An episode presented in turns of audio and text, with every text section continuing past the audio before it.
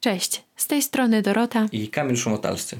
Prowadzimy kanał Przyklejeni, a to jest nasz podcast Szkoła Miłości Nadprzyrodzonej. Przed Wami kilka adwentowych odcinków nagranych specjalnie na ten czas. To już nasza mała tradycja, bo to jest bodajże trzeci rok, kiedy dajemy w Wasze ręce, a raczej w Wasze uszy podcasty przeznaczone na czas adwentu.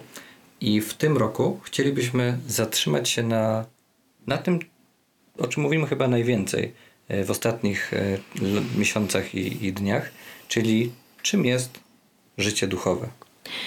Inspiracja do y, tegorocznych odcinków pojawiła się podczas naszych listopadowych spacerów.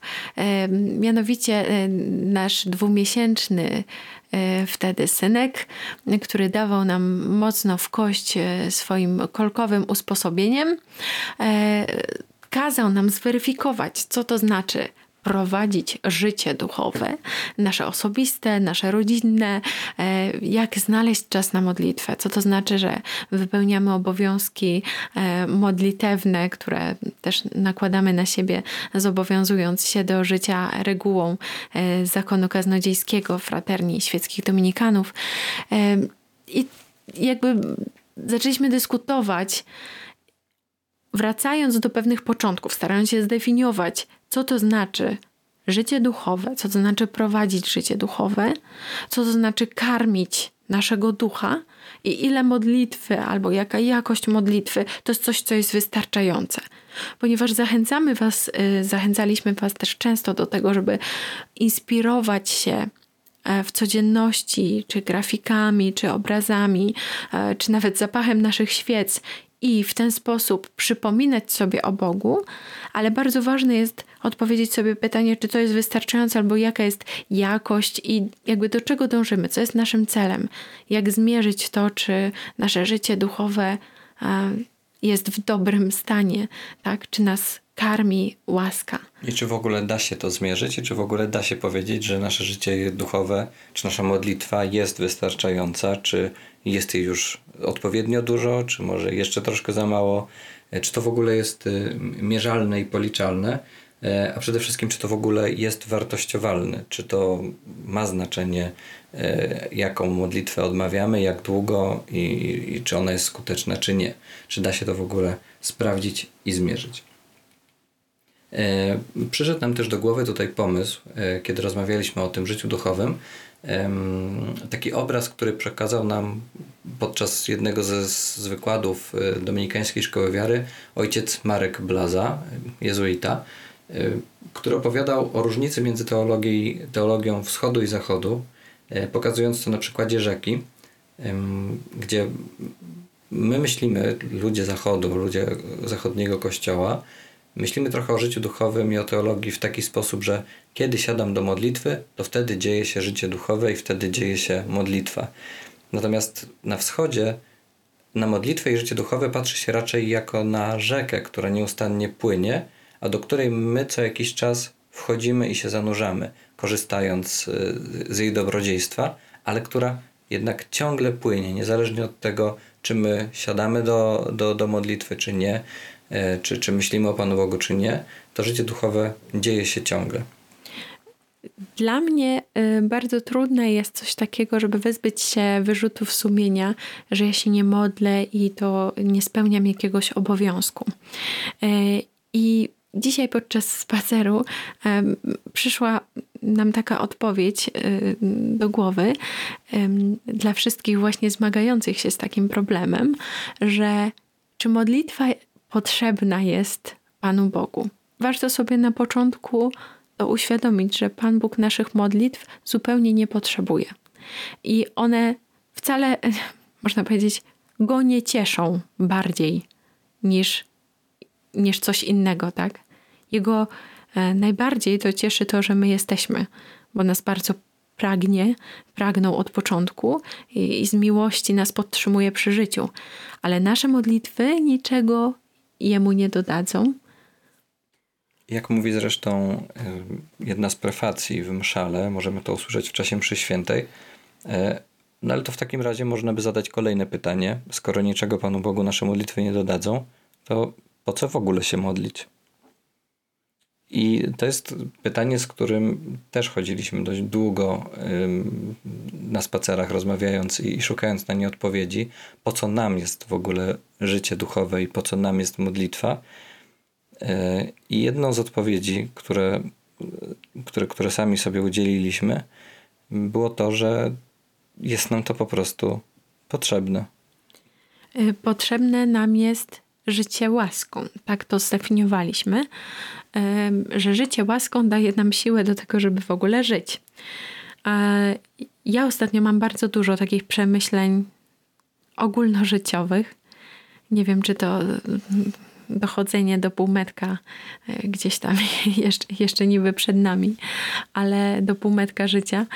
Um, ale tak, rzeczywiście dużo mam takich myśli eschatologicznych i myśli o, o o spełnieniu, o życiu, y, w spełnieniu mojego życia. E, do tego też zainspirowała mnie książka e, profesora Jaloma. To jest taki e, amerykański psychiatra. Nie wiem, czy osoba wierząca. Powiedziałabym bardziej, że agnostyk z tego, jak, jak czytam jego mm, jego teksty. Y, profesor Jalom specjalizuje się w terapii osób, które zmagają się jakoś z żałobą, y, przygotowują się do śmierci na przykład, bo są y, nieuleczalnie chore i odpowiada wielokrotnie na pytanie, co sprawia, że człowiek mniej boi się śmierci. A jest tam odpowiedź pada, że to jest życie spełnione. A życie spełnione to jest życie, które my sami jesteśmy w stanie określić jako spełnione, tak? Spełnione według naszych standardów. A, I właśnie wracając do tego, po co nam jest życie duchowe, życie łaską jest nam potrzebne do tego, żebyśmy, mając przed oczami, szczególnie teraz na początku Adwentu, myśl o tym, że jesteśmy powołani do życia, życia z Jezusem, życia w chwale, życia w świętości, tak, na wieczność, e, no to potrzebujemy e, jakoś się przystosować. I to przystosowanie to jest przemienienie. Mm, duchowość wschodu będzie mówiła o przebóstwieniu, takiej przemianie nas, która nas upodobni do Jezusa. I to jest według tego, jak my rozumiemy, e, życie, życie łaską. I teraz wracając do mm, tego porównania o rzece, e, zadaliśmy sobie znowu pytanie, czy to, że się nie modlimy, to czy to znaczy, że nie prowadzimy życia duchowego? I, i, i ten obraz z rzeką pokazał nam, że nie ma czegoś takiego, że nie da się nie prowadzić życia duchowego, jeśli jesteśmy osobą ochrzczoną. Że życie duchowe, no właśnie, cały czas jest obok nas E, I jeżeli my w ogóle się o nie nie troszczymy, no to właśnie, to znaczy, że je po prostu zaniedbujemy, a to nie znaczy, że go nie ma. Wczoraj ochrzciliśmy e, naszego synka Józefa Dominika e, i tam padają takie słowa, że, mm, że my, rodzice i chrzestni, są zobowiązani do mm, podtrzymywania tego życia, które zostało dane Józefowi e, na chrzcie. I teraz, no właśnie to jest to, czy my podtrzymujemy to życie, albo mówiąc bardzo pragmatycznie, e, czy my korzystamy z życia duchowego, czy my korzystamy z łaski, bo e, wracając, znowu wracając do rzeki, Miałam taką, taką myśl, żeby opowiedzieć Wam o pewnym porównaniu, że im więcej jest y, powierzchni chłonnej e, na nas, tym więcej wody zostanie po wyjściu z rzeki. Albo inaczej jest takie proste, prosty obraz często się mm, kaznodzieje nim posługują, że im większe naczynie i mniej napełnione, czyli bardziej puste, puste naczynie, e, to więcej łaski się w nie zmieści, tak? Ale jeżeli wchodzimy do rzeki, no to możemy być jak gąbka albo jak kaczka. Jeżeli jesteśmy jak gąbka, no to po wyjściu jeszcze długo będziemy kapać tą wodą. Albo będzie można się napić z tej gąbki, tak?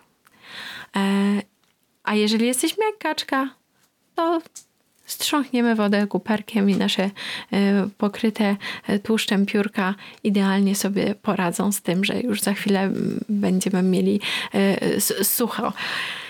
I teraz chcemy, mm, chcemy tak żyć, żeby każdy moment modlitwy, który jesteśmy w stanie wyrwać czasem z naszej codzienności, jak najbardziej nas napełniał. Jednym z warunków, takich podstawowych, to jest e, życie w stanie łaski uświęcającej. To jest pierwsza łaska, która, która jest konieczna do tego. Przekładając to na obraz rzeki, o którym Wam tutaj cały czas opowiadamy, trwanie w łasce uświęcającej będzie trochę jak stanie ciągle zanurzonym w tej rzece. Może po kostki, może tylko po kolana, ale jednak stanie ciągle w rzece i dawanie możliwości, żeby chociaż trochę ta rzeka nas napełniała, żeby w ogóle móc zacząć współpracować z łaską, żeby móc jakkolwiek zacząć pracować e, nad swoim rozwojem duchowym. Podstawowym warunkiem jest oczywiście to, że jak mówi sama definicja trwania własnej uświęcającej, jest to życie bez grzechu ciężkiego.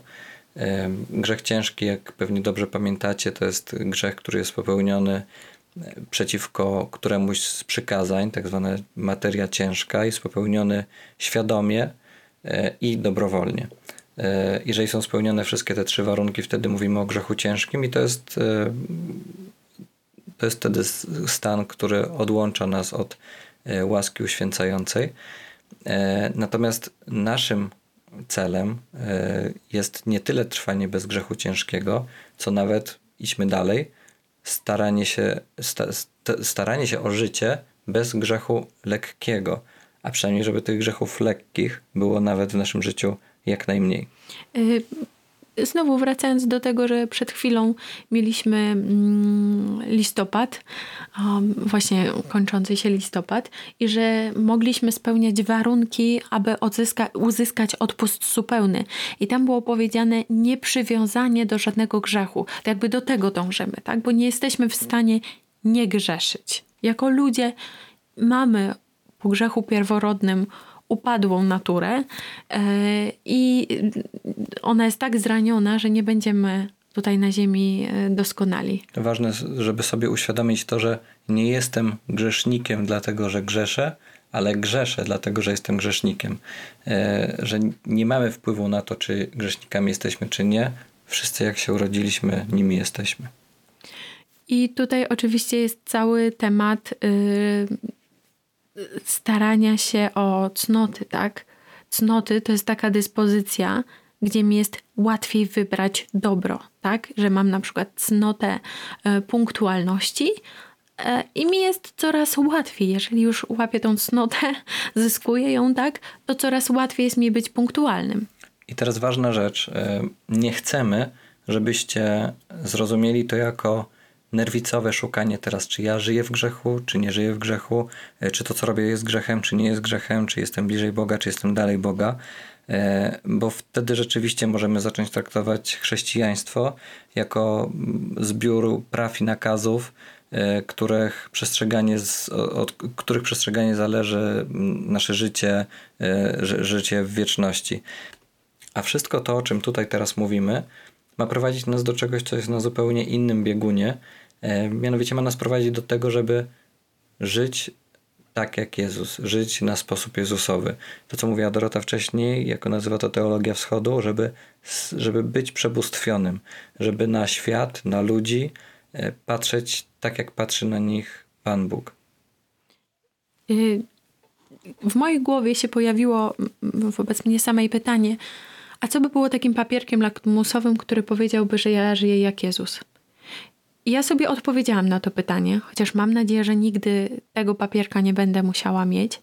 Ale kiedy wczoraj usłyszałam o świętych z księgi Daniela, którzy są wydani w ręce bestii, to pomyślałam sobie, no najprościej, najprościej, pomarańczowe kombinezony, koptowie, którzy nadal, y, którzy, którzy nie nadal, którzy mają chwilę swojego życia moment swojego życia, kiedy opowiadają się całkowicie za Jezusem, ale to nie jest ten moment. Oni przez całe swoje życie wcześniej opowiadali się za Jezusem tak dojrzale, tak chcieli żyć jak Jezus, być jak Jezus, że kiedy ktoś już przyłożył im um, nóż do gardła, oni powiedzieli: Ja chcę być jak Jezus.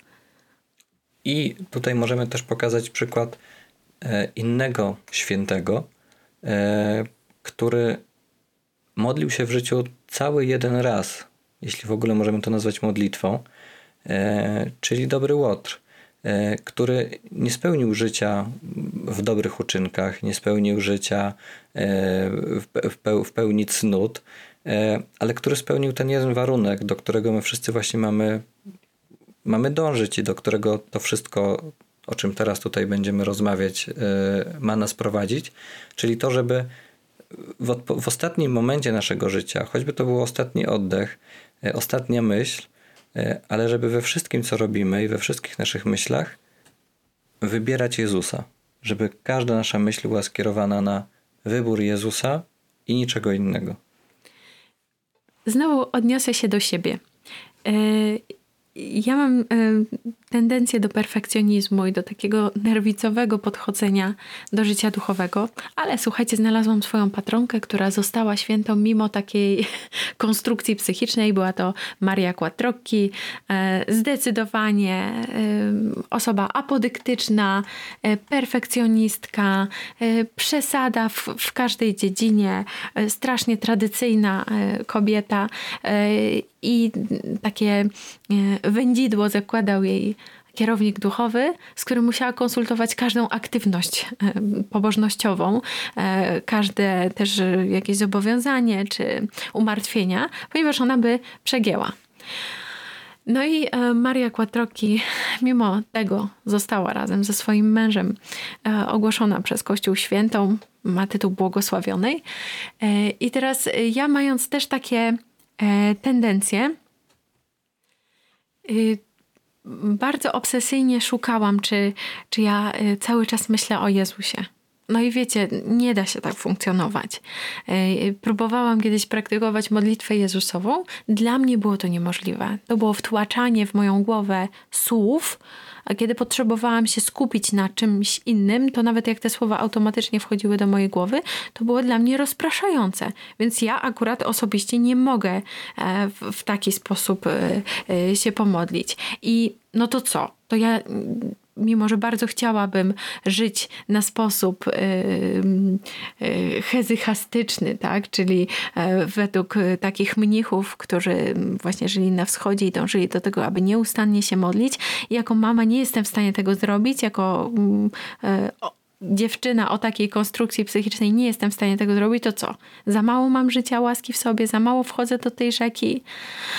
I tutaj właśnie potrzebna mi była nowa definicja gdzie y, się napełniać, jakie punkty sobie postawić, warunki, żeby uspokoić samą siebie i powiedzieć: Dobra, ja prowadzę życie, czy chcę prowadzić życie e, takie, które mnie upodabnia do Jezusa. Mamy nadzieję, że już mniej więcej wiecie, o co nam chodzi, kiedy mówimy o życiu duchowym i o czym będziemy rozmawiać w ciągu tego adwentu. E, na koniec tego odcinka chcielibyśmy zaprosić Was do zadania sobie pytania, które my usłyszeliśmy wczoraj podczas chrztu Juska. Czy czekamy na przyjście Jezusa? E, czy ten adwent jest dla nas tylko kolejnym kalendarzem adwentowym, e, kolejnym czekaniem na Boże Narodzenie? Czy rzeczywiście jest w nas ta tęsknota, żeby Jezus przyszedł już teraz, żeby to był ostatni adwent naszego życia? Dziękujemy, że w kolejnym już adwencie jesteście z nami, słuchając naszego podcastu, którego sponsorem jesteście Wy sami. Zapraszamy Was e, ciągle do naszego sklepu na stronie przyklejeni.pl ukośnik sklep, gdzie znajdziecie rękodzieło z naszego domu, e, ręcznie robione przez nas świece, ostatnio także malowane na kamieniu ikony, e, które szykuje dla Was Dorota, też kartki świąteczne i wszystko to, co może Wam pomóc w rozsiewaniu dalej dobrej nowiny, e, a nam pomaga w realizowaniu kolejnych odcinków, kolejnych materiałów dla Was. Dzięki wielkie za Wasze wsparcie i do usłyszenia w następnym odcinku.